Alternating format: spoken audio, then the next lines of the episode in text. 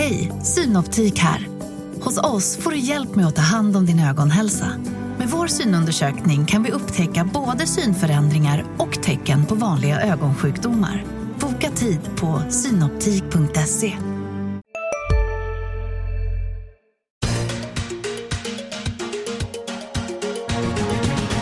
Hej och välkommen till Makrorådet, Dagens Industris podd om de stora ekonomiska frågorna. Jag heter Viktor Munkhammar. Med mig idag har jag Annika Winst, chefsekonom på Nordea och Johanna Jansson, krönikör och makroexpert får man väl säga här på DI. Välkomna hit båda två. Tack så mycket. Det är en späckad agenda. Vi ska spekulera lite i vem som kan tänkas ta över efter Stefan Ingves som riksbankschef och vi ska prata om europeiska räntor som är i ropet igen. Eh, det kommer spaningar eh, och lite till. Men jag tänkte vi skulle börja med den här eh, uppgången, ganska markanta uppgången i inflationen som vi har sett globalt den senaste tiden. Den kan man säga mycket om. om. Om vi börjar med bara det vi ser, den så kallade headline-siffran, det vill säga KPI-talen, Annika. Vad, hur ser du på den här ja, uppgången som ändå har verkligen tagit fart? Ja, marknaden tittar ju mer på den underliggande, men headline inflation som du pratar om, eller den, den, är ju oerhört viktig ändå för förväntningar, för avtalsrörelsen och för många andra och därför har den då betydelse. Och det är också så att vi har någon tumregel i Sverige att eh, de indirekta effekterna till exempel av energipriser som då inte är med i, som man kan rensa bort i underliggande. De är lika stora i Sverige över tid som de direkta effekterna. Det vill säga att du får in det i transporter och så vidare. Så att eh, ja, det har nog betydelse. Sen är det klart att om oljepriset går upp så kan det också eh, gå ner och få den omvända effekten. Och det gör väl att Riksbanken, även om de är glada över att se de här siffrorna och säkert kommer att eh, prata mycket om det så är de ändå fortfarande bekymrade. Och tittar, eh, använder sig av kronan som verktyg fortfarande. Precis, för det, det, du var inne på här, det är en skillnad här mellan man ser den här huvudsiffran eh, som stiger och den, så kallade, den underliggande inflationen man pratar om. Man rensar bort effekter av sådana här volatila saker som priser som rör sig mycket. Exempelvis nu är det ju mycket med grönsaker då för att det har varit kallt i södra Europa. Du nämnde oljepriset som ju var jättelågt för ett år sedan och så är det nästan ja, ungefär dubbelt så högt nu och då blir det en väldig effekt. Men det där ska man ju som centralbank egentligen se igenom och tittar vi på den här underliggande då är det fortfarande en bra bit kvar till inflationsmålen på de flesta håll. Ja, den är ju bekymmersamt låg ur ett riksbanksperspektiv. Och eh, vi, som jag sa, vi i marknaden vi tittar ju väldigt mycket på den för den indikerar ju trenden.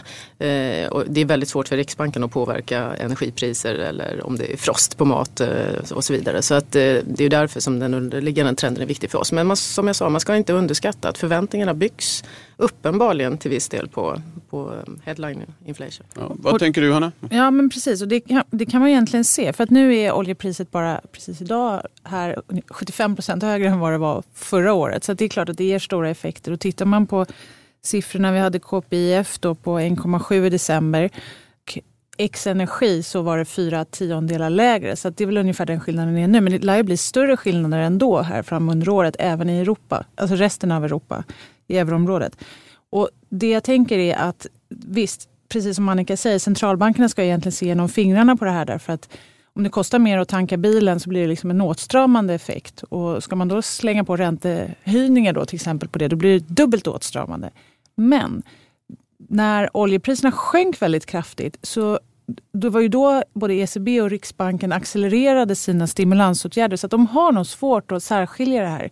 Dels för som Annika sa, eh, de liksom att indirekta effekterna att det här föder vidare in i andra priser. Men sen också för att det sätter sig på de här viktiga inflationsförväntningarna. Och givet att låga inflationsförväntningar har varit ett problem hittills så tror jag att de tycker att det är rätt skönt att de liksom får upp inflationssiffrorna nu. Och så skulle jag tänka i alla fall som centralbank. Att man ser att inflationen faktiskt kan att den inte cementeras på de här låga nivåerna även om det beror på slanggurkor och, eh, och högre bensinpriser. Så att, men jag tror att de tycker att det är, det är skönt. Så länge inte oljepriserna, eller energipriserna eller eh, grönsakspriserna rusar iväg för mycket så, så tror jag att de tycker det är skönt i det här läget. Du vill in Annika? Ja, det håller jag absolut med om. Att det är en lättnad över att man får en trend åt rätt håll och att man kan prata om inflation som är nära målet. Eh, men det de också får hjälp av det är om andra centralbanker som Fed, amerikanska centralbanken, nu sannolikt kommer att höja räntorna i lite snabbare takt. Och det tror jag också att det är väldigt bekvämt för Riksbanken i det här läget. För det underlättar för dem att också eh, sluta att föra en mer expansiv politik och kanske så småningom börja eh, prata om att man ska gå åt andra hållet. Okej, så att om man ska sammanfatta då att den här inflationsuppgången vi, vi, vi, har sett är inte lika brant som den verkar därför att det handlar om saker som lite så, här, så kallade baseffekter. Vissa rörliga komponenter då som är betydligt högre idag än för ett år sedan men att eh, man kan tänka sig att det sätter sig, sprider sig, smittar av sig via exempelvis inflationsförväntningar och som du var inne på transportsektorn och sådana saker. Då. Så att, eh, Vår prognos är ändå att eh, om, ett, om, om ett antal månader så kommer det här falla ur och då kommer det bli jobbigare för Riksbanken igen. Men just nu har vi en period då. Men är det, det här är jag lite nyfiken för vad säger ni då? Är det inte ändå så att vi har haft ett trendbrott i inflationen alltså från de här riktigt låga nollnivåerna. Även om det inte blir 2% hållbart inflation här de kommande åren så är det i alla fall högre än tidigare. Ja absolut, men det vi menar är att om man ska nå 2 inflation i Sverige så har man historiskt behövt löneökningar på ungefär 4-4,5 och det kommer vi inte få i avtalsrörelsen som kommer nu i mars utan kanske 2, 2,5 och har vi tur får vi lite löneglidning, tur beror på vilken sida man är på mm. men då kanske vi kommer upp till 3 men det är fortfarande långt ifrån de här som räcker för att man ska nå eh, inflationsmålet. Mm. Tack för det. Vi går vidare. Delvis som en effekt av det här då, men också lite annat så har eh, marknadsräntorna börjat dra iväg en hel del, eh, inte minst i USA, även i Europa. Det vi också har sett i Europa är ju att eh, de så kallade spreadarna, alltså ränteskillnaderna mellan olika länder, då brukar man ju tala om Tyskland som ett ankare för Europa och EMU. Och att skillnaden mellan tyska räntor och räntor i andra länder är liksom ett mått på någonting, kanske nervositet, kanske något annat och det är de här eh, gamla kära bekanta, Portugal, Italien, Grekland, även Frankrike eh, till viss del. Dock inte Spanien i så stor utsträckning, där de här, den här spreaden, skillnaden har börjat sticka. Hur tolkar du eh, det här Annika? Jag skulle vilja säga framförallt Frankrike, för det är det som marknaden tittar på och ja. fokuserar på just nu. Och det handlar om att politiken har kommit upp på agendan. Eh, förra året så fick man inte riktigt betalt eh, som investerare att ha mindre risk i portföljen när det gällde Brexit och eh, Trump för att det, det gick ju väldigt fort över. Och därför har man inte haft fokus här men nu har det ramlat in och nu tar man höjd för det. Och vi har ju ett val i Frankrike, de är ju det första stora landet som är ut och det är val först i april och sen i maj. Och nu är strukturen i det franska valet så att Marie Le Pen kan säkert gå väldigt starkt i första omgången men det ska väldigt mycket till för att eh, höger eller vänsterfalanger långt ut på kanterna ska kunna ta andra omgången. Så att ur den aspekten kanske ränteuppgången är lite överdriven som vi har sett nu. Men det är det politiska som är i fokus. Sen är det också så att eh, man har haft ett stort inflöde av asiatiskt kapital i Europa och inte minst i Frankrike. Och framför allt från Japan sen de sänkte till negativ ränta. Och här, nu börjar man bli bekymrad. Man kan inte det här, har inte full kontroll och då lämnar man. Och det ser vi också att vi har ett utflöde därifrån. Och ytterligare en tredje aspekt är då ECB, den europeiska centralbanken som börjar prata om att man inte ska förlänga eller köpa mer och stötta ekonomin ytterligare. Och det talar ju för att då ska ju spreadarna eh, gå isär. Det vill säga att du har lite mer risk på vissa länder.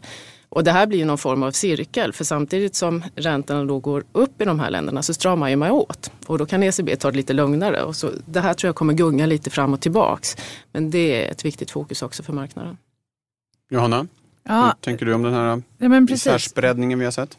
Det är som Annika säger också med att politiken är i fokus. Och så länge man, de här problemen kommer ju dyka upp av olika, lite olika skepnad hela tiden. Just nu är det Frankrike och i bakgrunden bubblar den här lågintensiva bankkrisen i Italien. Eh, och sen så har vi då Grekland där man är oense om, eh, om nästa stödutbetalning. Så att, fokus Frankrike fram till maj och presidentvalet. Men sen så återkommer ju den här Greklands problematiken igen för de har betalningar som förfaller under sommaren. Och eh, det kommer som en riktig surdeg inför, också inför de tyska valen till hösten. Därför att jag kan tänka mig som politiker i Tyskland vill man nog inte hålla på och prata om huruvida man ska försöka eller måste ta en kostnad för att skriva ner den grekiska statsskulden som är ohållbar i dagsläget. Så att det här hänger ihop och det blir den här negativa spiralen mellan stats, alltså svaga statsfinanser i vissa länder och sen så då vem ska stå för fiolerna om man måste skriva ner de här skulderna och sen så äger bankerna mycket av de här statsobligationerna. Inte så mycket grek, grekiska statsobligationer då men, men i andra länder så liksom går det runt mellan stat, banksystem och resten av marknaden. Så att, det här precis återkommer så länge man fortfarande har svag tillväxt. Ja, det är inte första gången vi pratar om just Nej, det här är det här. en favorit i repris. Som, Ja. eh, och det var ju bara två år sedan som det var riktigt eh, pyrt i Grekland sist. Så att, Man kan väl säga in. att eh, det är ganska rimligt med tanke på att det har varit oerhört sammanpressat och det har det ju varit för att centralbanken har varit där och stöttat. Hade de inte varit det Så det är lite mer av en eh, faktisk marknadsprissättning vi börjar se nu snarare än en slags konstgjord eh, prissättning. Ja. Då vänder vi blickarna hemåt mot Brunkebergs torg där Riksbanken sitter. Det är ju så att eh, Stefan Ingves mandat löper ut vid årsskiftet och eh, det har börjat spekuleras i vem som ska efterträda honom. Han har ju då suttit två gånger sex år. Det finns några kandidater som har nämnts. En, eh, den hetaste är väl Carolina Ekholm som ju satt i direktionen och som nu är statssekreterare hos finansminister Magdalena Andersson. En annan är Thomas Östros, eh, den före detta ministern. Eh, även Jens Henriksson, numera vd på Folksam, är en sån där kandidat. Och internt i den befintliga direktionen så finns exempelvis Cecilia Skingsley och eh, Martin Flodén. Om vi börjar där, Johanna du väl, vad, vad tänker du om de här eh, namnen? de tippade förhandstipsen. Ja, eh, ja de, de som jag då hävdar är de tippade. Om du vill Ja. ha mera tippade förhandstips så kan, Nej, du, men kan jag, du nämna jag dem. håller Men med. Det, det verkar vara de som cirkulerar eh, runt. Det som jag tänker dels kring det här är att spekulationerna börjar ovanligt tidigt som jag ser det kring vem som är, ska bli efterträdda Stefan Ingves. Han ska sitta ett år till, hans mandat löper ut om ett år. Visst är det så att fullmäktige säkert redan nu måste börja tänka på vem de ska ta in. Men jag upplever att det är ovanligt tidigt man börjar spekulera om vem som ska ta över efter Ingves. Jag vet inte om det beror på kritiken mot minusräntan eller eh, om det är någonting annat som gör att det är så. Men ändå, det är så, så upplever jag det. Och när det gäller de här tipsen, senaste gångerna så har det dykt upp namn som inte har varit med i förhandstipsen. Så att, eh, vi- jag kanske få återkomma, suga lite på den karamellen och se om vi har några otippade Ja, tippade. vi kan ju gå igenom bara liksom hur pro- processen. Det är ju då Mm. eh, fullmäktige, riksbanksfullmäktige som formellt sett ska fatta det här beslutet. Sen i praktiken så är det väl så att ja, i det här fallet eh, Magdalena Andersson då, eftersom vi har en socialdemokratisk regering har ett stort inflytande och att hon gör någon slags förhandling med, med oppositionen. En komponent här är ju också att det inte bara är Stefan Ingves mandat som löper ut utan- utan också Kerstin af Jokkniks. som är vice, förste vice. Så det finns ju Mm. en chans att få in två personer, att, så att säga, de båda sidorna kan få varsin, att man kan dribbla med det. Hur, hur Annika, det här politiska spelet bakom, liksom, kan du kasta lite mer ljus eh, på det? Och vad det kan betyda för vem det då skulle kunna bli? Jo, eh, det, det finns det säkert. Men eh, historiskt har det ju varit så att det har blivit ganska mycket kritik om man väljer någon med allt för tung politisk eh, historia. Men jag, jag tänker rent generellt att eh, nu har Stefan Ingves suttit i 12 år, 18 år om han skulle få ytterligare sex och stanna. Det är ju oerhört lång tid oavsett vilken person det är och det tror inte jag är lämpligt för den sortens position. Så ur den aspekten så tänker jag att man nu börjar diskutera det här är ganska naturligt eftersom han också har tagit en ståndpunkt så att det är väldigt viktigt om det blir en förändring. Det kan bli ganska tydlig förändring. Vi har också en översyn över hur Riksbanken ska arbeta framåt och så vidare som gör att det här Eh, triggas igång. Sen de personer som du nämnde då eh, inledningsvis eh, med Ekholm, Östros och Henriksson så är ju det tre bra CV, absolut. Men alla de har ju en politisk historia och kanske Östros har den starkaste eller tyngsta och Jens ganska mycket också. Men de har ju lämnat politiken och har haft en period och, och ur den aspekten snygga till sina CV, det vill säga blivit eh, rimliga att plocka in. Då. Medan däremot Carolina Ekholm, eh, hon har ju haft en mycket mindre politisk roll men hon jobbar ju faktiskt åt Magdalena Andersson just nu. Det vill säga att det skulle kunna eventuellt vara en, eh, en ett hinder för hennes del. Sen så tänker jag så här att när man, när man ska tillsätta den här direktionen så har de ibland haft behov av någon sorts eh, kompetens. Eh, och då har det också blivit outliers som Henry Olsson till exempel. Då tror jag att de tänkte att de behövde arbets, arbetsmarknadskompetens och lönebildningskompetens och så plockade de in det. Det var inte en människa som hade funderat på honom, i alla fall inte i den världen där jag befinner mig. Eh, men när man då ska ha en chef som Stefan Ingves då tänker jag att man kanske tänker att man vill ha en bredare kompetens än någon sån där specifik. Och jag tror faktiskt också att man ska inte underskatta de utmaningar och problem som Riksbanken har haft sen Lars E.O. Svensson när man fick en konflikt internt som läckte externt. Det har varit oerhört jobbigt för Riksbanken att hantera internt. Fullmäktige är väl medvetna om det. Det skulle ju kunna göra att man väljer någon som är bra på att skapa harmoni och, och en struktur som, som folk har förtroende förtroende för En bra chefsperson då helt Ja, enkelt. jag undrar om inte det faktiskt är ett ganska tungt argument ur fullmäktiges aspekt. De vill inte hamna i den här situationen en gång till. Johanna? Hej, Ulf Kristersson här. På många sätt är det en mörk tid vi lever i. Men nu tar vi ett stort steg för att göra Sverige till en tryggare och säkrare plats. Sverige är nu medlem i Nato. En för alla, alla för en. Vi är specialister på det vi gör, precis som du. Därför försäkrar vi på Swedea bara småföretag, som ditt. För oss är små företag alltid större än stora och vår företagsförsäkring anpassar sig helt efter firmans förutsättningar. Gå in på swedea.se företag och jämför själv. Håller helt med. Och det var pre- perfekt eh, uppvärmning inför mina otippade tippningar. Ja, då. ja, ja, ja, spännande. För att precis som Annika säger, vad, vad letar man efter då? Det är dels någon som, eh, som har en bred kompetens och kanske det, man, möjligtvis om man ska lägga till någonting till det som Annika sa, någon som kan kommunicera det som Riksbanken ska göra framöver. Man behöver ha någon som kan förklara för det helt plötsligt så är det inte, det är inte bara att höja och sänka räntan längre utan de har en historiskt stor balansräkning, hur den ska hanteras framöver. Det kommer, kommunikationen kommer bli viktig och ledarskapet. Så som sagt, bland de otippat tippade så finns ju också en internationell doldis som heter Stefan Gerlach som har varit på Bank of Ireland som vicechef där. Han har ju då erfarenhet av, ehm, av internationellt centralbanksarbete och eh, han har också varit, han är akademiker eh, så han har en tyngd där och kan säkert föra sig då i internationella sammanhang. Han dyker upp lite här och där ibland. Han är ju svensk men har då den här internationella erfarenheten. Just nu så är han på en eh, chefekonom på en eh, europeisk bank. Det finns också en annan svensk som har jobbat på Bank of Ireland som heter Lars Frisell som har varit på Finansinspektionen. Men han är inte riktigt lika tung tänker jag. I sånt fall skulle man eh, nästan kanske tänka sig att han fyller en plats i direktionen och så, så plockar man upp någon av de befintliga direktionsledamöterna som, som chef som du var inne på. Till exempel varför inte då otippat tippade Martin Flodén? Han, Ja. han kanske är lite för ung, jag vet inte. Men i alla fall. Sen finns det en, ytterligare en till sån här internationellt namn. Och nu inser jag att jag har mycket eh, män här på min lista. Jag har, borde säkert, men, men här kommer ytterligare en man. Eh, Hans Genberg som också har erfarenhet från Internationella valutafonden och BIS som också har forskat om finansiella flöden. Eh, Precis som Stefan Gerlach också har det lite internationella fokuset. Det kan också vara viktigt här då när man Precis som Annika sa så plockade man in Henry Olsson när, man vill, när arbetsmarknaden var en viktig grej. Carolina Ekholm kom in i direktionen när spelet mellan interna det internationella spelet kom att bli viktigt precis efter finanskrisen. Och hennes forskning hade handlat mycket om just eh, handel och växelkurser och det internationella. Så att, ja, de var mina namn på den otippat tippade listan. Så kan vi bara säga att eh, du nämnde BIS där, det är då Bank for International Settlement, som brukar eh, vardagligen kallas kanske centralbankernas bank. Centralbankernas centralbank eller centralbankernas bank. Bra, en sån där, annars hade ingen kvinna där, men en sån som eh, Cecilia Hermansson. Just det, precis. Det var bra att du sa. Lång Exakt. erfarenhet. eh, Och en väldigt nu viktig, en tung forskar- post i, det är skuggdirektion.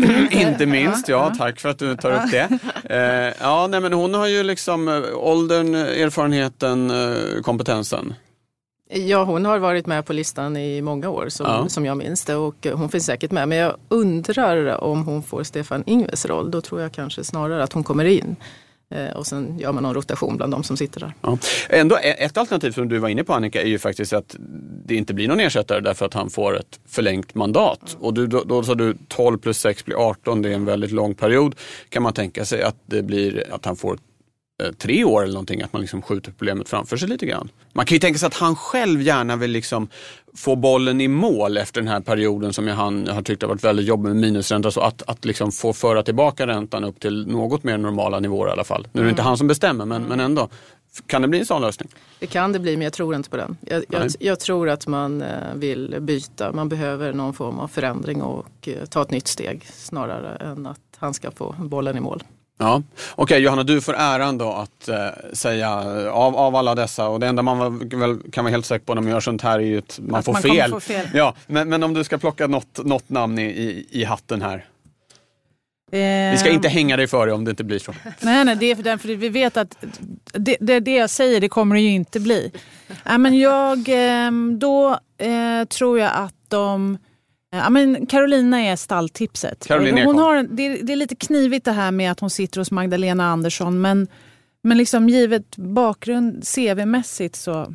Och hon är ju ändå en ovanligt opolitisk Så kan statssekreterare man man säga. väl Fast, säga. fast samtidigt det är ett problem och jag kommer återkomma till det här kanske i min spaning sen att det här med politikerna och centralbankerna det är knivigt om de känner, om de, de känner för mycket för varandra helt enkelt. Ja.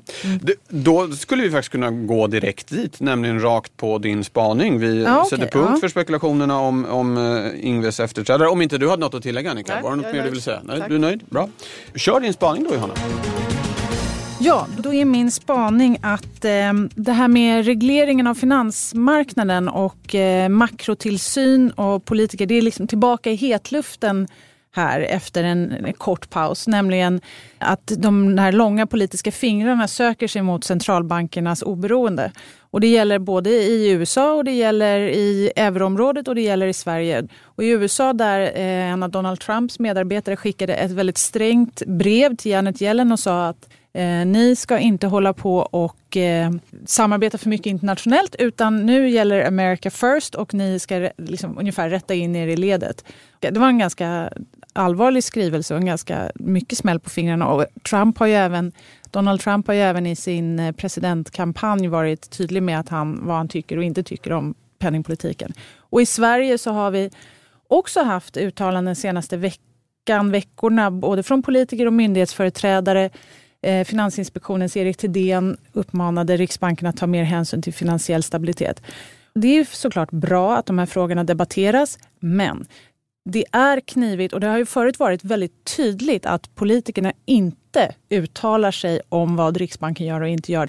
Och det, varför det är skillnad mellan penningpolitik och finanspolitik och, eh, eller Finansdepartementet är ju just för att det finns länkar där som man inte får ta hänsyn till. Nu till exempel har Riksbanken en historiskt stor obligationsportfölj. Vad de väljer att göra och inte göra med den kommer att påverka statsräntorna.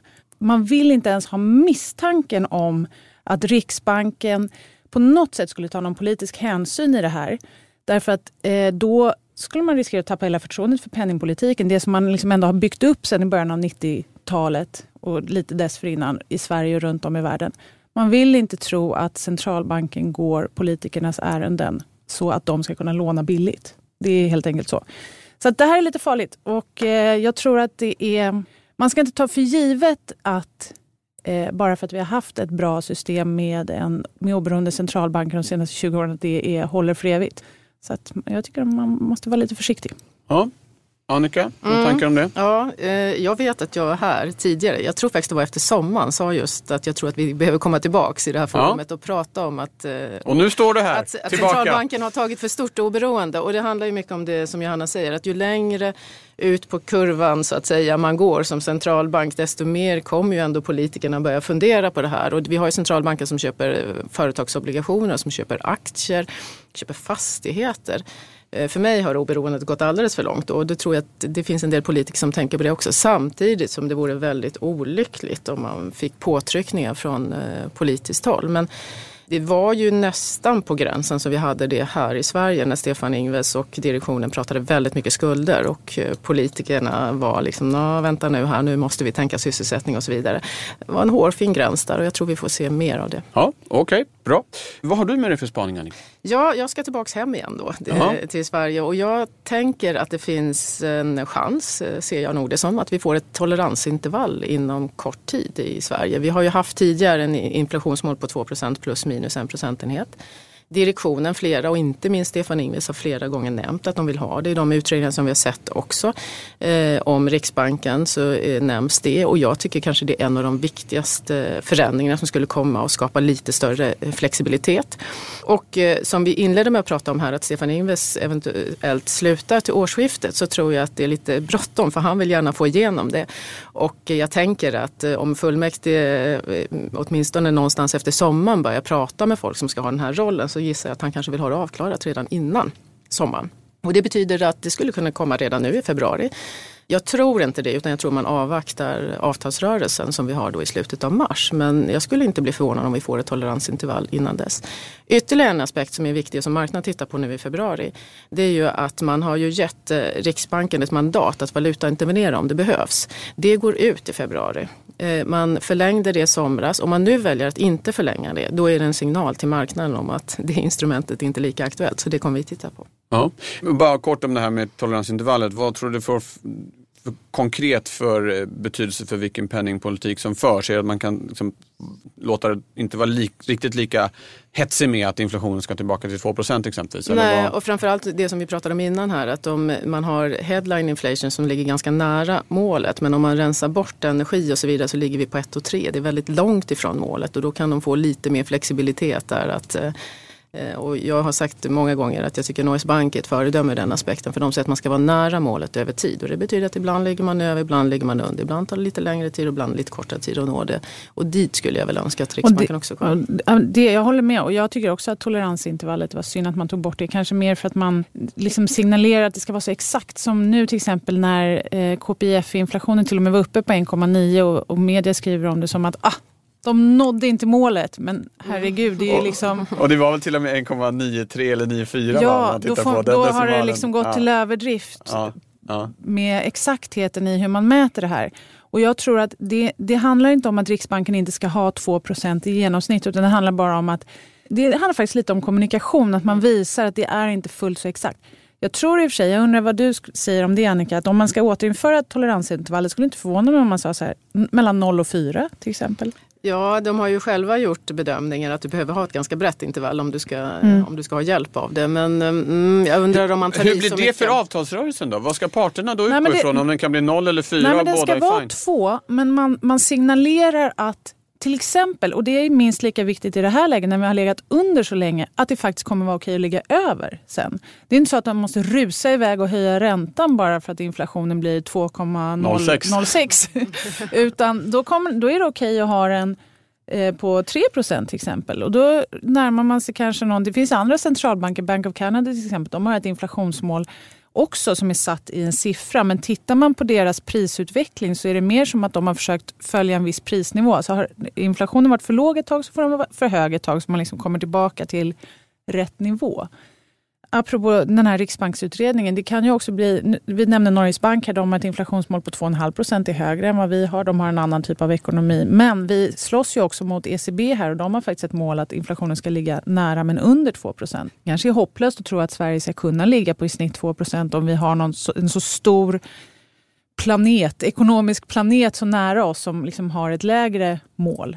Så det Men kan där, man också fundera på. Där tror jag att man måste ha en global översyn. Det är svårt för Riksbanken att ändra målet eh, när inte andra gör det. Och I akademiska världar pratar man ju snarare om att lyfta målet än att, att sänka målet. Jag tänker också på det som du sa om avtalsrörelsen. Alltså det har ju tjänat eh, lönebildningen väldigt väl, den struktur som vi har haft i Sverige. Men jag tror också, precis som Johanna säger, att i framtiden så måste nog parterna i avtalsrörelsen också inse att eh, det är inte så enkelt och vi kommer att behöva lära oss att hantera en inflation med lite bredare spann. Bra, då går vi vidare till den sista delen som är ny för säsongen. Det som eh, vi kallar för veckans viktigaste. En liten guide till lyssnarna vad ni kommer att titta mest på i eh, den kommande veckans statistikflöde och en bara kort motivering varför. Annika, vill du börja? Mm. Eh, när man sitter i marknaden så är det svårt att inte titta på inflationssiffrorna som kommer i Sverige och USA och också Eh, penningpolitiken. Och eh, vad gäller inflationen, om vi börjar med Sverige, så får man ju en ny korg i januari. Alltså man byter ut varor och plockar in varor. Och den effekten kan bli ganska stor den här gången. För man gör också förändringar i hur man ska titta på eh, bostadsrättspriserna och också på hur man ska beräkna charterresor. Och det har stökat till det historiskt. Och där, det kan mycket väl bli så att vi får en, en helt ny bild som vi ska förhålla oss till. Så det kommer vi titta mycket på. sen kommer det också inflationssiffror i USA som förstås är viktiga. Om man sen tittar på Riksbankens eh, penningpolitiska rapport så var jag inne och nämnde på det. Man kan inte utesluta att vi redan nu får eh, toleransintervall och att vi också får den här förlängningen av mandatet att valuta intervenerar. Så det är viktiga aspekter. Och ur Feds perspektiv så är det så att de ska höja i mars, vilket inte är mitt huvudscenario, men marknaden spekulerar mer och mer om det då måste man lyssna på vad Fed säger nu, för nu ska de kratta manegen för det i så fall. Och det finns flera Fed-tal och inte minst Yellen håller tal i, i kommande vecka. Så det var mycket veckans viktiga. Ska vi bara säga det här med Riksbank, det är alltså räntebesked onsdag den 15 Mm. kommer det. Mm, inflationen på fredagen den 17. Fredag den 17. Ja, bra, tackar. Johanna? Ja, då blir det lite bakvagn på min veckans viktigaste. Då, för att Annika tog alla godbitarna. Ja. Ja. Loket är ändå de här eh, uttalandena från centralbankerna tycker jag med eh, kolvagnen i form av inflationsstatistiken. Då. Så efter det så kommer min och det är lite uppdaterad BNP-statistik. Men jag kommer också hålla ögonen på nya prognoser från EU-kommissionen. Det är intressant eftersom eh, det handlar lite om Grekland och utsikterna och skuldläget och sådär. De kommer i början av veckan eh, här i mitten av februari. Hörni, då sätter vi punkt för idag. Tack ska ni ha. Tack ska du ha som har lyssnat. Eh, vi är tillbaka igen den 22 februari. Hej så länge!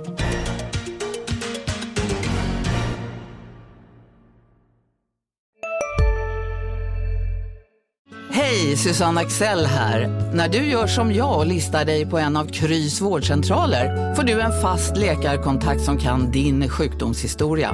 Du får träffa erfarna specialister, tillgång till lättakuten och så kan du chatta med vårdpersonalen. Så gör ditt viktigaste val idag, lista dig hos Kry. ska några små tassar flytta in hos dig. Hos Trygg Hansa får din valp eller kattunge 25% rabatt på försäkringen första året. Läs mer och teckna djurförsäkringen på trygghansa.se. Trygg Hansa, trygghet för livet.